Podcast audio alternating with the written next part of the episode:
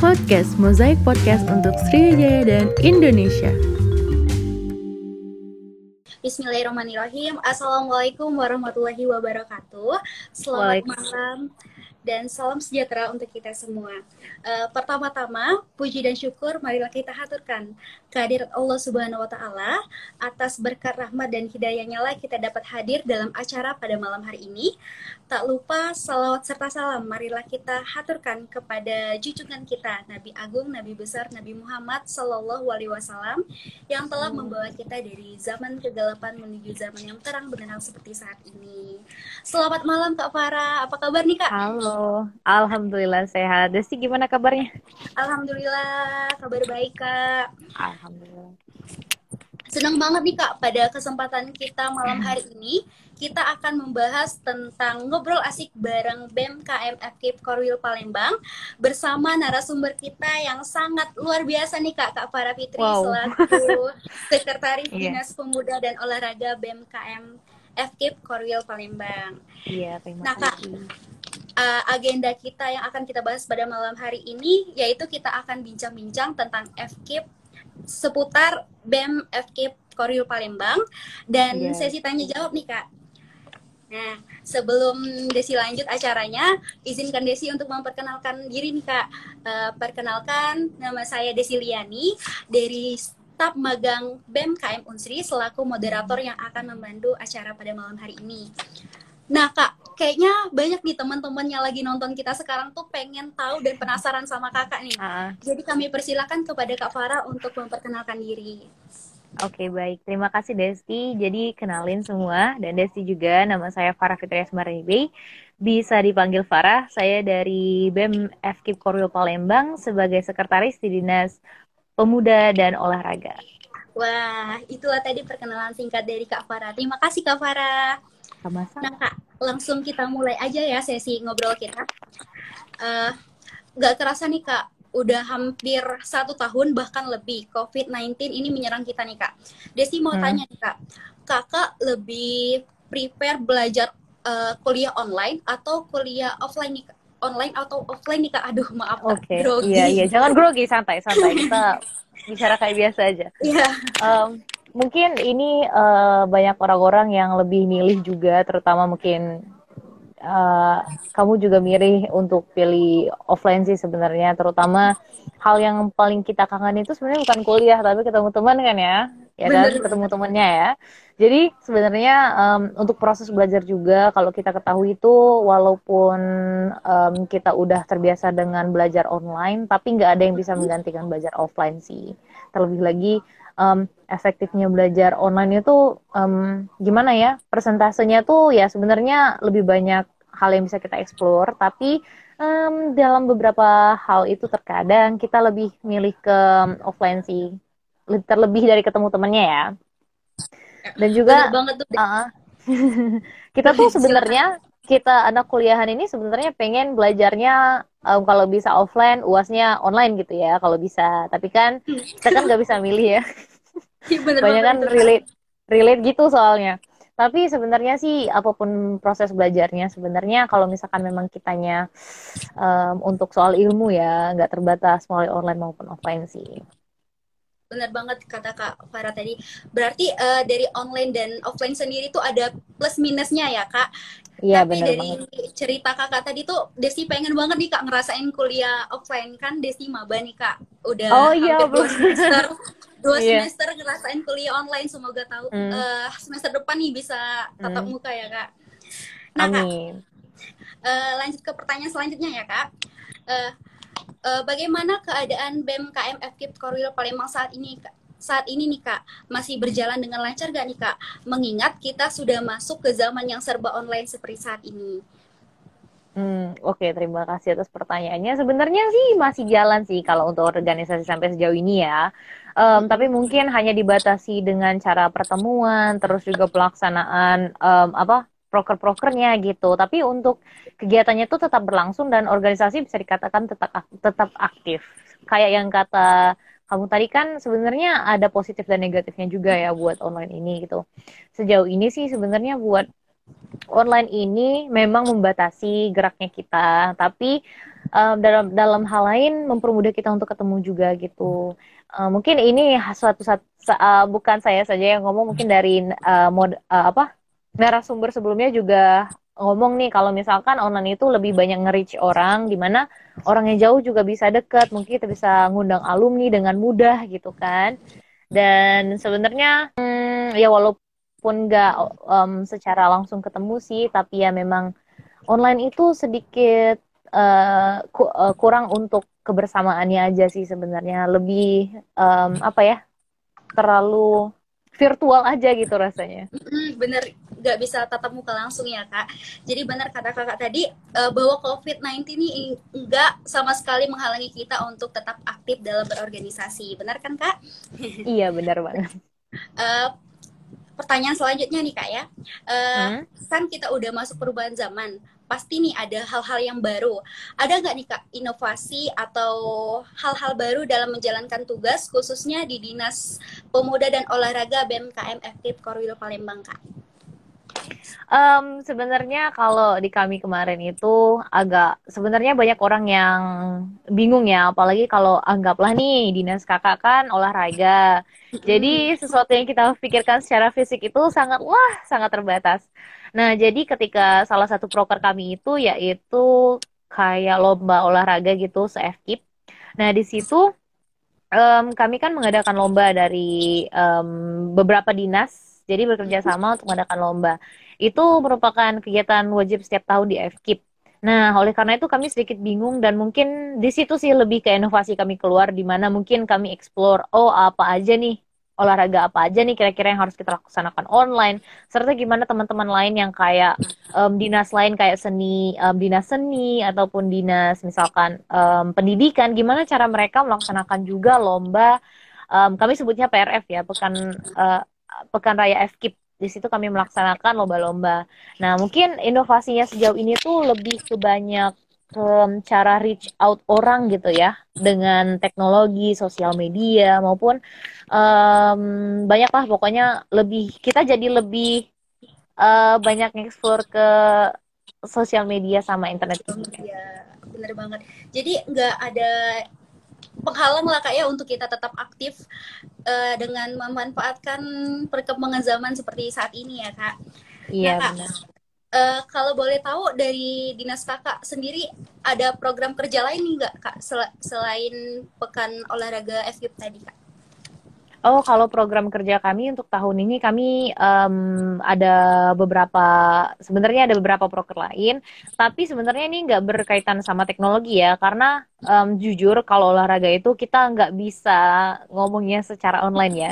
Jadi kalau ke olahraga ini Iya, lebih banyak um, kayak pelaksanaan offline gitu. Jadi ada beberapa proker seperti kayak kami um, menghubungi fakultas lain untuk um, berolahraga bersama gitu dengan tujuan mungkin lebih dari um, apa olahraga aja gitu. Jadi lebih banyak jaringan dan juga mungkin bisa jadi bagi-bagi pengalaman gitu sih kalau misalkan um, proker um, proker lainnya dari Dispora. Wah, mantap banget nih Kak dari Dinas Pemuda dan Olahraga. Harus dikasih tempat. Terima nah, kasih. Uh, Desi mau tanya lagi nih Kak, tapi kayaknya lebih ke pribadi Kakak ya Kak. Uh, apa sih Kak kalau boleh tahu? Kalau boleh tahu nih Kak, apa sih alasan Kakak untuk bergabung di BMKM Korwil FKIP Korwil Palembang?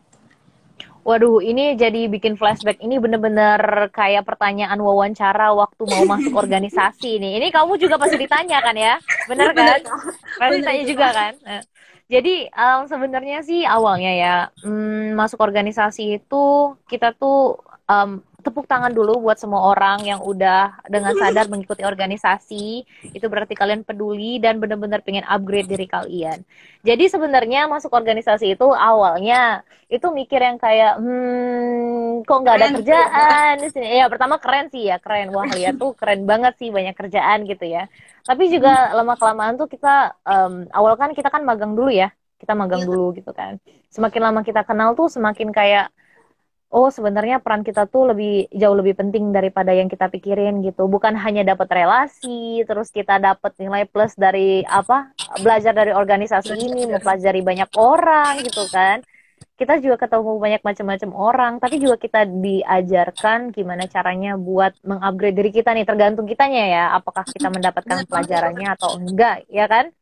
Ya, Jadi sebenarnya tergantung sama diri kita. Jadi kalau kakak sih yang bikin kakak pengen kemarin itu kakak tuh pengen um, belajar sesuatu yang belum kakak tahu dengan berharap mengikut organisasi, bertemu banyak orang, melihat sudut pandang baru. Kamu juga pasti gitu kan awal-awalnya mikirnya gitu kan? Bener, Walaupun agak gitu. berat ya.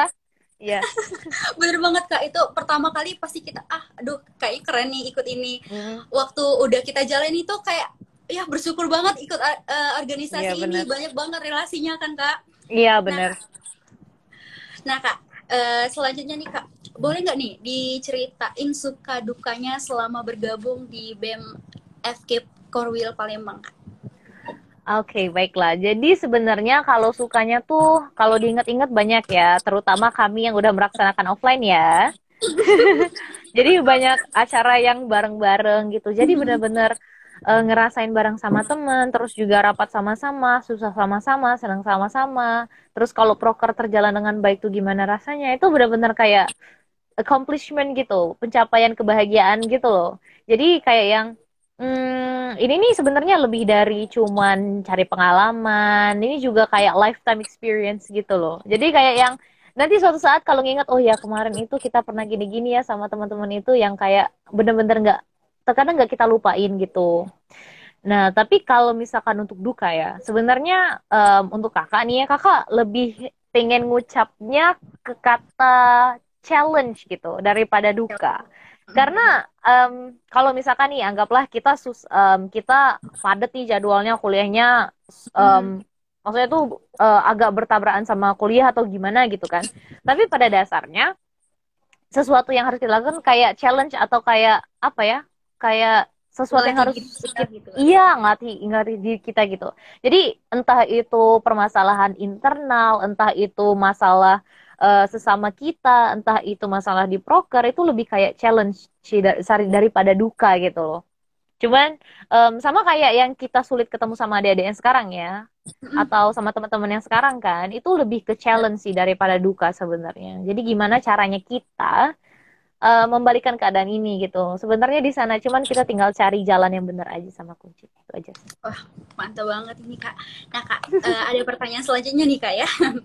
uh, bagaimana sih menurut kakak? Apakah ada perbedaan mengenai anggota-anggota baru yang baru bergabung di BEM KMFK Korwil Palembang?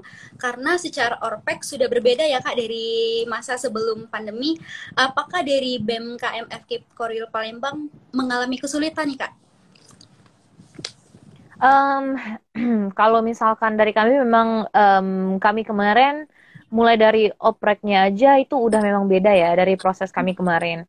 Sedikit dipersingkat, namun esensinya tidak lepas gitu. Maksudnya kita menanyakan kesungguhan mereka gitu kan. Jadi intinya kita tuh nggak lepas dari um, esensi mereka open recruitment itu walaupun dipersingkat.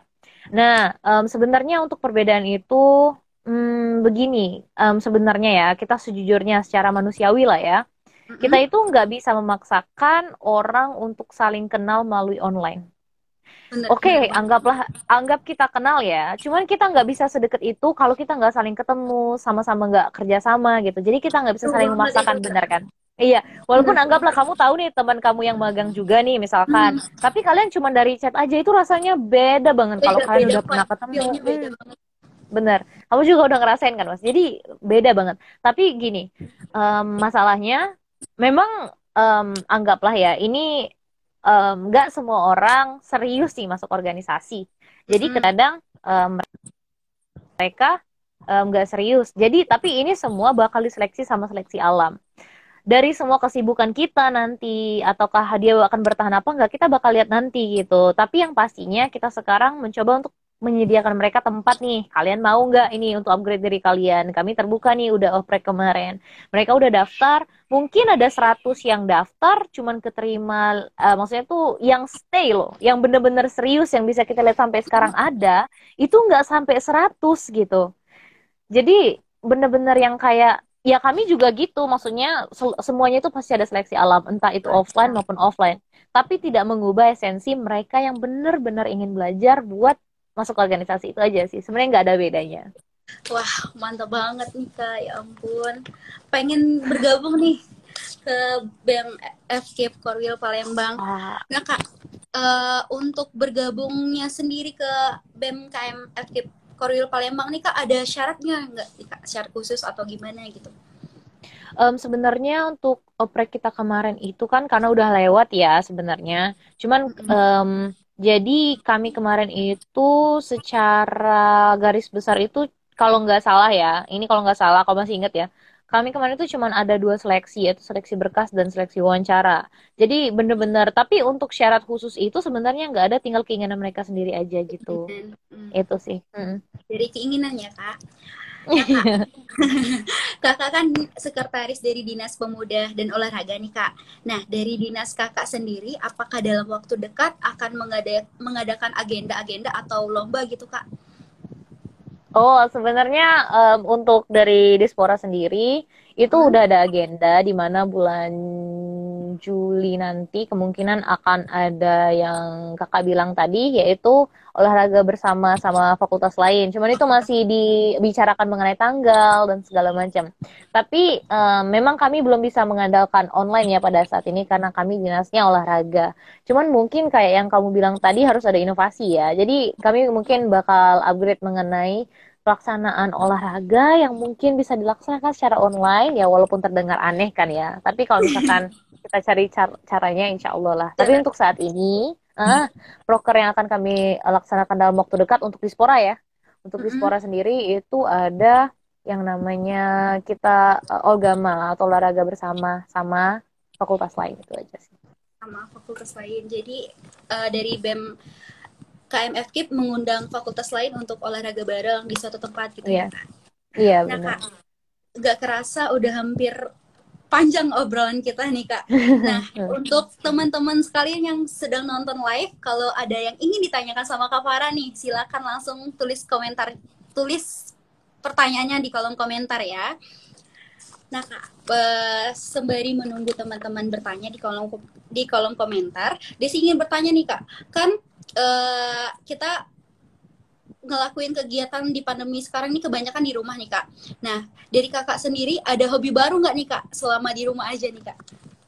Kayak baca Um, webtoon, Oke, baca baiklah. Oke, wah itu itu semua orang lakukan kayaknya ya. Ini berbicara dari pengalaman ya. Berbicara. Oke, baiklah. Ini udah tamat berapa kuliah drama ini? Udah berapa udah tamat berapa drama nih? Kira-kira. Banyak, Oke, mantap. Em, jadi em, kalau misalkan kakak ya pribadi, kakak itu lebih ke hmm, sebenarnya hobi baru itu enggak yang hobi baru tuh nggak ada. Jadi hobi itu kakak itu itulah, tapi lebih ke explore diri sih. Misalkan em, kem- em, misalkan kayak coba sesuatu yang belum kita bisa, misalkan em, mencoba menggambar atau coba beatbox, cuman lihat tutorial dari YouTube gitu kan. Iya, kan maksudnya tuh kita kita kita nggak nggak ngomongin kita jadi profesional gitu ya. Maksudnya tuh kita kayak explore diri gitu. Siapa tahu kita kesandung terus kita ketemu ah misalkan oh kita jadi suka nih gitu. Jadi kan kita nggak tahu makanya kalau kakak sih di baru waktu ya, Kak. siapa tahu kita nggak pernah tahu kan. Jadi Siapa kan tahu kan- itu lebih positif ya kak, lebih ke Hmm. update diri lagi gitu kan kak, bukan Bener. kayak Desti cuma nonton drama Korea aja gitu. Eh, itu kan bisa jadi mengembangkan apa kepekaan perasaan serta bahasa annyeonghaseyo, seo ya. Ada yang dikembangkan juga kan ya. Bener banget kak, tapi gimana ya kak? Kayaknya tuh lebih lebih hobi kakak tuh lebih mengembangkan diri daripada, daripada hobi Desti itu kak. Nah kak, ini ada pertanyaan dari teman kita nih kak dari Ed Nadi, Nadira Mispi. Katanya, Kak izin bertanya, bagaimana jika seorang yang belum mahir dalam bidang olahraga, apakah masih bisa bergabung, Kak? Terima kasih. Oke, Kayaknya ini bergabung maksud ke kedinasan Kakak ya, Kak? Iya maksudnya tuh ke kedinasan ya maksudnya. Hmm, jujur ya, ini kalau misalkan kita ngomongin soal organisasi kemahasiswaan, termasuk apalagi kita ngomongin BEM, kita nggak pernah tahu siapa yang masuk. Nggak semua orang yang masuk dinas dispora itu semuanya orang olahraga. Jadi sebenarnya, iya bener, ada yang masuk ke dinas lain yang mungkin seni, tapi dia nggak bisa seni gitu kan. Ya sebenarnya Hmm, sebenarnya ada di area awal-awal kalian masuk organisasi itu kalian bakal ditanya nih, kalian minatnya ke mana, kalian sukanya ke mana, ya benar kan? Ditanya juga kan? Kalian minatnya masuk dinas mana gitu. Nah itu sebenarnya lebih ke minat kalian, jadi nggak dipaksakan sebenarnya. Tapi kalau memang kalian terjeblos di suatu dinas yang kalian tidak bisa, seperti olahraga misalkan, ya nggak harus bisa-bisa banget. Yang pasti yang kita butuhkan itu orang yang bisa berorganisasi gitu.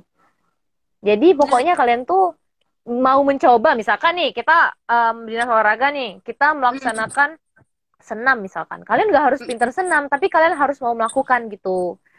Kalian berani mengeksplor gitu aja sih sebenarnya. Yang penting ada kemauan dari diri sendiri ya kak untuk mengeksplor diri gitu. Nah kak Ya, ini ada pertanyaan lagi nih kak dari Muhammad Asrul 631. Mantap. Kak kenapa kenapa kakak masuk ke dinas olahraga kak? Alasannya menurut kakak apa ya kak? Apakah basic kakak olahraga atau gimana nih kak? Nah panjang pertanyaannya kak. Oke, wow, luar biasa ya tepuk tangan untuk anak satu ini. Baiklah, Em, langsung jawab ya. Iya langsung aja kak. Oke. Silakan. Jadi kalau saya em, memang ada dasar dari olahraga. Jadi maksudnya itu memang suka olahraga nih. Jadi pada dari awal ngomong itu, kamu masuk dinas apa? Saya mau masuk dinas olahraga karena apa? Karena saya mau ekspor segala macam gitu. Jadi memang Hmm. ada interest ke sana sebenarnya. Dan juga em, ya itu sih sebenarnya udah menjawab ya. Ya, udah ngejawab itu kak. Nah Ah, gimana Emang nih interestnya di sana.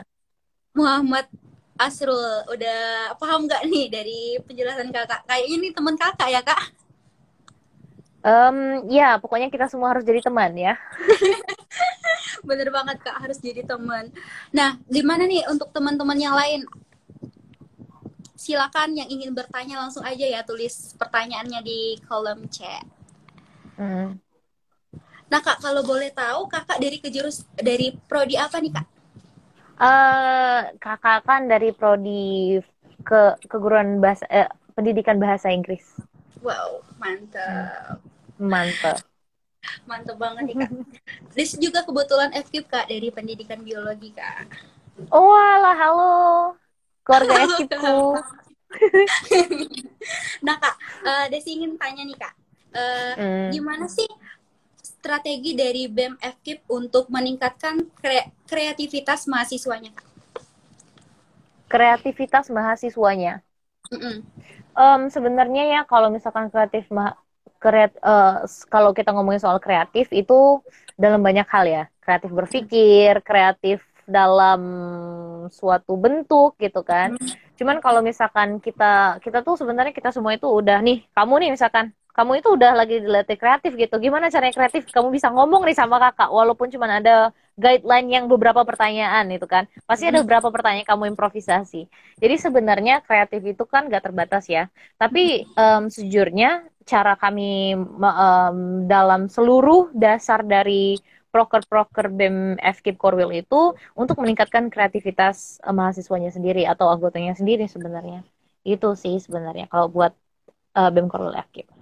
Jadi kembali ke kitanya ya kak. Jadi tem- BEM KM FKIP tuh sebagai wadah untuk Iya, eh, kita untuk berkembang gitu. Nah teman-teman yang lain nih, ada yang ingin ditanyain nggak nih? Seru banget Iya, nih. mumpung kita Jangan selesai nih. sampai, jangan sampai kelewatan bertanya. Nah kak, eh, tidak bertanya saat di jalan. eh, Kenapa? bener banget nih kak. Eh, kak gimana ya? Eh, Ini curhat ya, ini curhat nih, sesi curhat ya. jangan, ntar kak di lain tempat. Oke, Kak, siap. eh, eh, menurut kakak gimana sih kak? Eh, de- kita nih FKIP kan kak. Biasanya FKIP nih sering dianggap agak gimana gitu ya kak. Pasti kan alah cuma guru aja gitu. Gimana Hmm. sih kak pendapat kakak tentang statement dari orang-orang yang kayak gitu nih kak? Em, jadi gini ya, Em, sebenarnya ya, kakak mau ngomongin pengalaman dikit, ini curhat sih sebenarnya. Jadi kakak sekarang sedang mencoba untuk em, masuk ke dunia ngajar. Jadi benar-benar ngajar gitu, maksudnya dalam konteks nggak sekolah ya, maksudnya itu cuma ngajar gitu. Di situ sebenarnya sebagai guru, ini kok kita ngomongin guru ya, bukan organisasi lagi ya? Oke baiklah, jadi kakak jelasin dulu nih. Jadi untuk kalian yang ngira guru itu cuman ngajar, cuman ini, kalian em, sebenarnya banyak keterlibatan hidup kalian itu dengan guru. ya dari kalian kecil sampai kalian besar kalian itu sangat terlibat dengan namanya guru um, jujur kakak baru berapa tahun bukan ya anggaplah berapa tahun lah ya, terlibat dalam bukan sekolah loh ini ya itu um, apa bebannya itu udah tinggi banget mulai dari uh, ekspektasi orang tua, gimana kalau anak ini nggak berkembang. Jadi sebenarnya jadi guru itu cuma ngajar selesai nggak gitu. Ada ekspektasi Betul kita banget. juga, ada ekspektasi orang tua, dan juga mungkin um, banyak orang nggak relate karena mereka belum terjun gitu. Jadi sebenarnya tuh ini kayak hidup aja sih. Kalau mereka belum ngerasain, mereka nggak bakal tahu gitu. Dan juga sama halnya mereka yang ngecilin jadi kayak aduh guru aja gitu nggak semudah itu jadi guru itu gitu aja sih ngomongnya Nah kak, uh, Desi mau tanya nih pribadi kan Desi baru nih uh, baru berani nih tampil kayak gini, hmm. tapi masih banyak kurangnya nih kak. Gimana sih kak tips untuk bisa tampil pede gitu kak walaupun masih banyak kekurangan gitu? Oke, okay. kok bingung juga jawabnya ya. Um, sebenarnya tuh um, untuk tampil pede itu pertama ya kita perbanyak apa ya percaya diri tuh masih ada hubungannya dengan latihan bukan berarti bakat ya mm Jadi percaya diri itu sesuatu yang kalian emban dan sesuatu kalian yang pelajari. Jadi kalian nggak langsung tiba-tiba lahir langsung pede gitu, enggak. Jadi kalian tuh memang dari kecil tuh ada berapa orang yang dari kecil udah disuruh ngomong sama orang dan mungkin ini kamu udah bagus loh ngomong sudah berani di depan orang itu udah pede sebenarnya. Untuk kekurangan itu tinggal kita improve misalkan dari cara kita ngomong. Kakak juga ada kekurangan loh, suka terlibat-libat atau gimana gitu. Pokoknya semua orang ada kekurangan, bener ya? Bener ya? Bener, bener banget ya ini. Hmm. Jadi pokoknya um, yang pasti untuk jadi PD itu pertama ya harus love yourself dulu ya. Harus wajib banget sih ini kalau bisa kalian nggak pede sama diri kalian, nggak percaya diri sama diri kalian, otomatis nggak akan bisa untuk jadi pede gitu. Otomatis kalian tuh harus sayangin diri kalian dulu. Terus otomatis kalian bisa dengan PD-nya ngomong sama orang. Itu sih sebenarnya.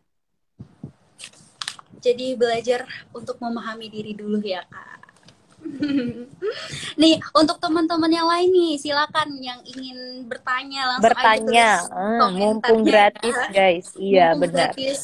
Hmm, silakan Gimana bertanya. teman-teman? Ada yang mau ditanyain nggak nih? Wow banyak banget nih kak penonton kita pada malam hari ini kak. Iya benar sekali.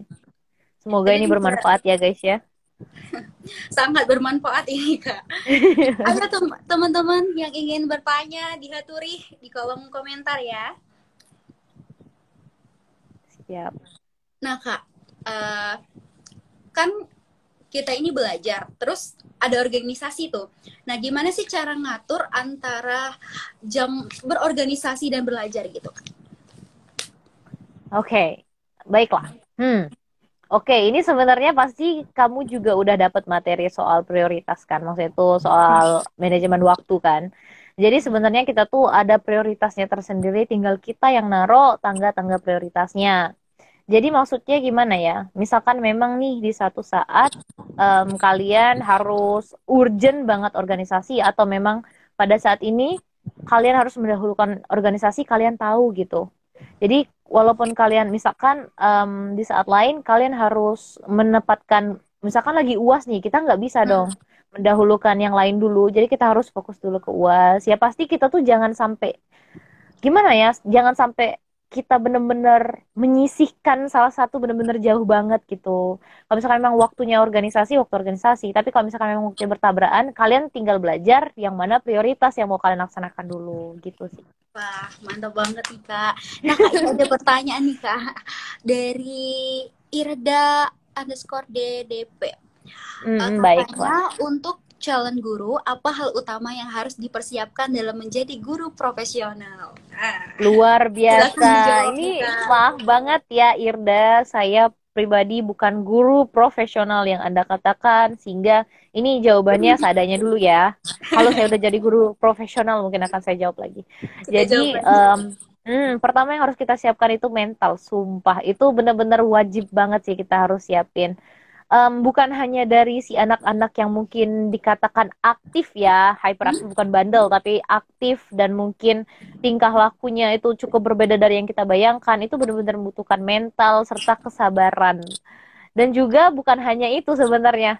Dari anak, dari orang tuanya, dari banyak hal faktor-faktor kita benar-benar harus mikirin soal um, ngembangin mental kita ketika kita menjadi guru itu sih kalau sejauh ini Hmm. Gimana nih untuk Kak Irda? Sudah cukup jelas nggak? Atau ada yang ingin ditanyain lagi sama Kak Farah nih? Boleh.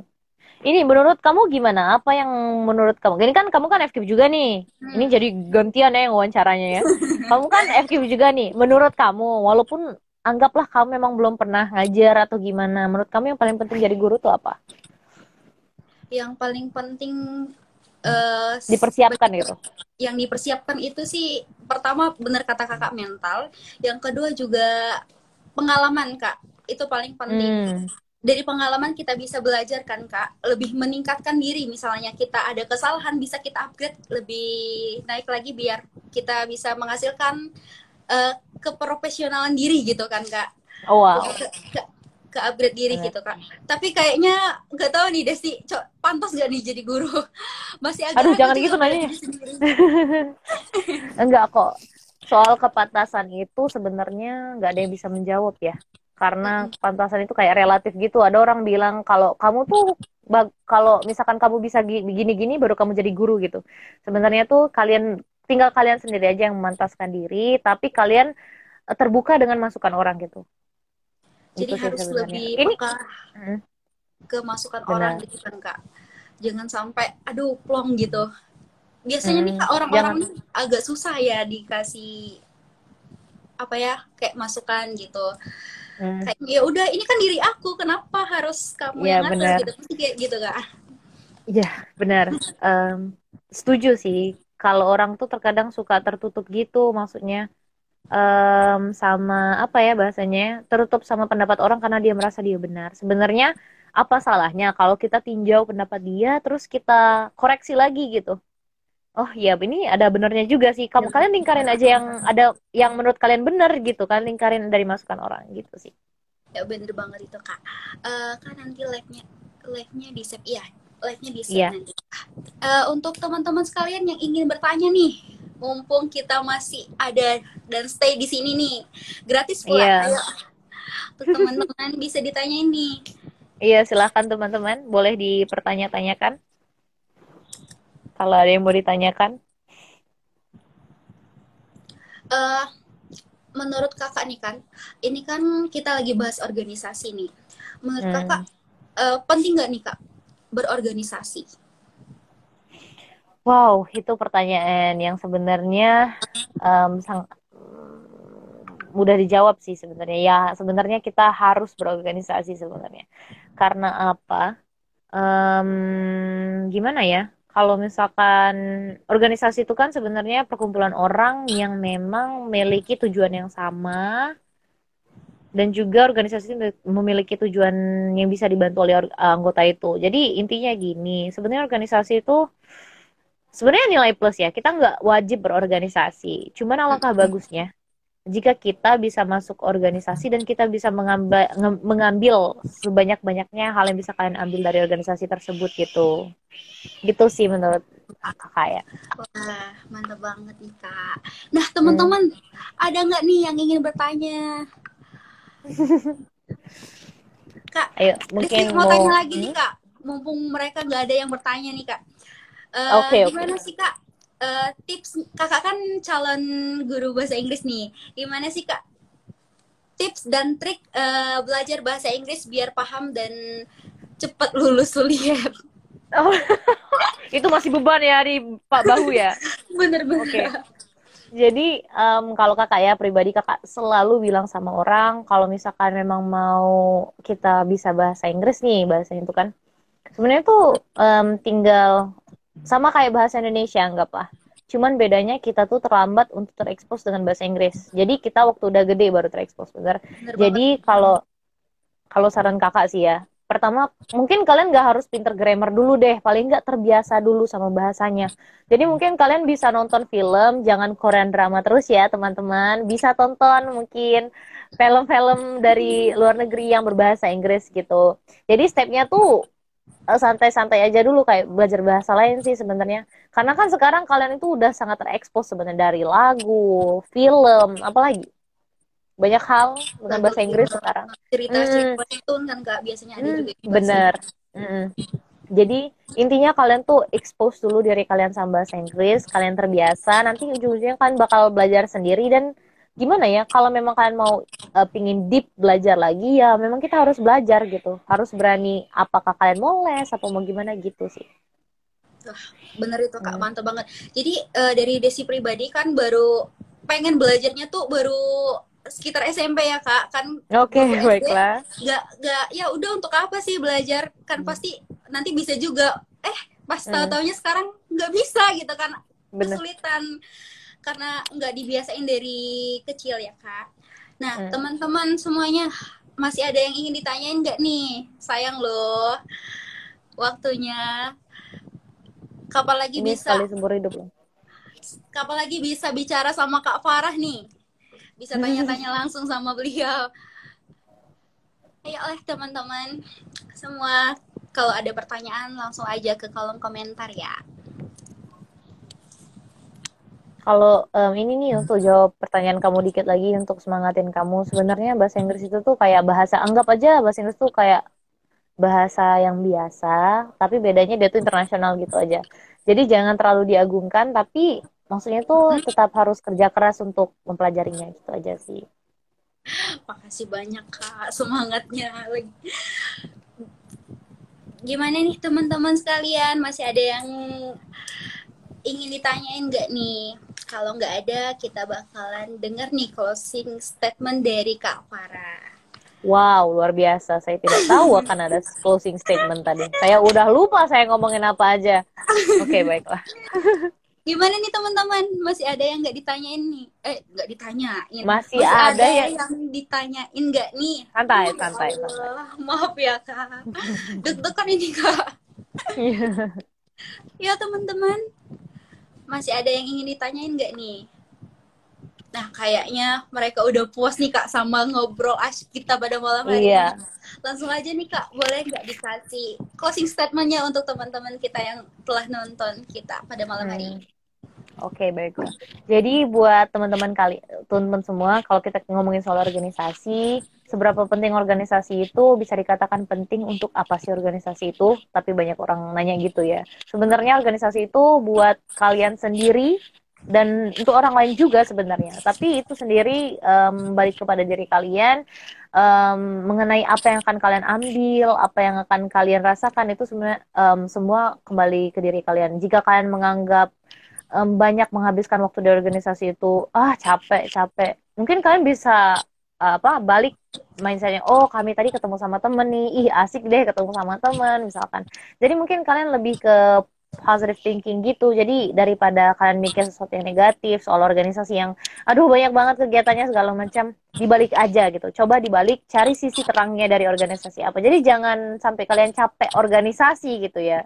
Jadi intinya kalau organisasi itu menurut saya pribadi dan mungkin beberapa orang yang saya em, representasikan sekarang organisasi itu penting untuk meningkatkan diri kalian sendiri. Wah, mantap banget nih closing statement dari Kak Farah. Nah, dengan berakhirnya closing statement dari Kak Farah tadi, maka berakhir pula bincang-bincang kita pada hari ini. Nah, Kak eh, Desti, eh, perwakilan dari BEM KM Unsri, terutama Kementerian Kremapal mengucapkan terima kasih banyak nih Kak kepada Kakak yang telah berkenan hadir untuk mengisi Iya. acara pada malam hari ini. Eh, Desi selaku moderator meminta maaf apabila ada kesalahan kata sengaja maupun tidak sengaja kepada Allah Desi mohon ampun dan Desi ucapkan terima kasih banyak nih kepada para penonton sekalian yang udah nyaksiin terima kita kasih, dari awal teman-teman. sampai akhir. Eh, Desi akhiri dengan kata wabillahi taufiq wal hidayah wassalamualaikum warahmatullahi wabarakatuh. Waalaikumsalam warahmatullahi wabarakatuh. Maaf juga ya Terima kasih teman-teman semua kalau misalkan ada salah ngomong ya. Iya. Dadah, terima kasih ya. Langsung Desi akhiri. Iya, sehat-sehat ya semua. Siap Kak. Nah, kita udah sampai nih di ujung tapi bukan di akhir podcast karena nggak kerasa udah waktunya kita untuk pamit undur diri di season kali ini. Tapi jangan khawatir karena dalam waktu dekat kita akan kembali bertemu dan mengudara di Mozaik Podcast episode selanjutnya. Untuk itu jangan lupa follow akun Spotify Mosaic Podcast supaya nggak ketinggalan update dan info terkini perihal bahasan-bahasan menarik di next episode. Dan juga teman-teman bisa nih follow akun resmi sosial media BMKM Unsri yang nggak kalah kece dan informatifnya. Untuk Instagram bisa langsung follow di @bmkmunsri. Juga channel YouTube kita ada BMKM Unsri. Jangan lupa di follow, subscribe, like, and share ke teman-teman virtual kalian. Dan jangan lupa untuk mengaktifkan notifikasi di akun masing-masing platform. See you guys soon.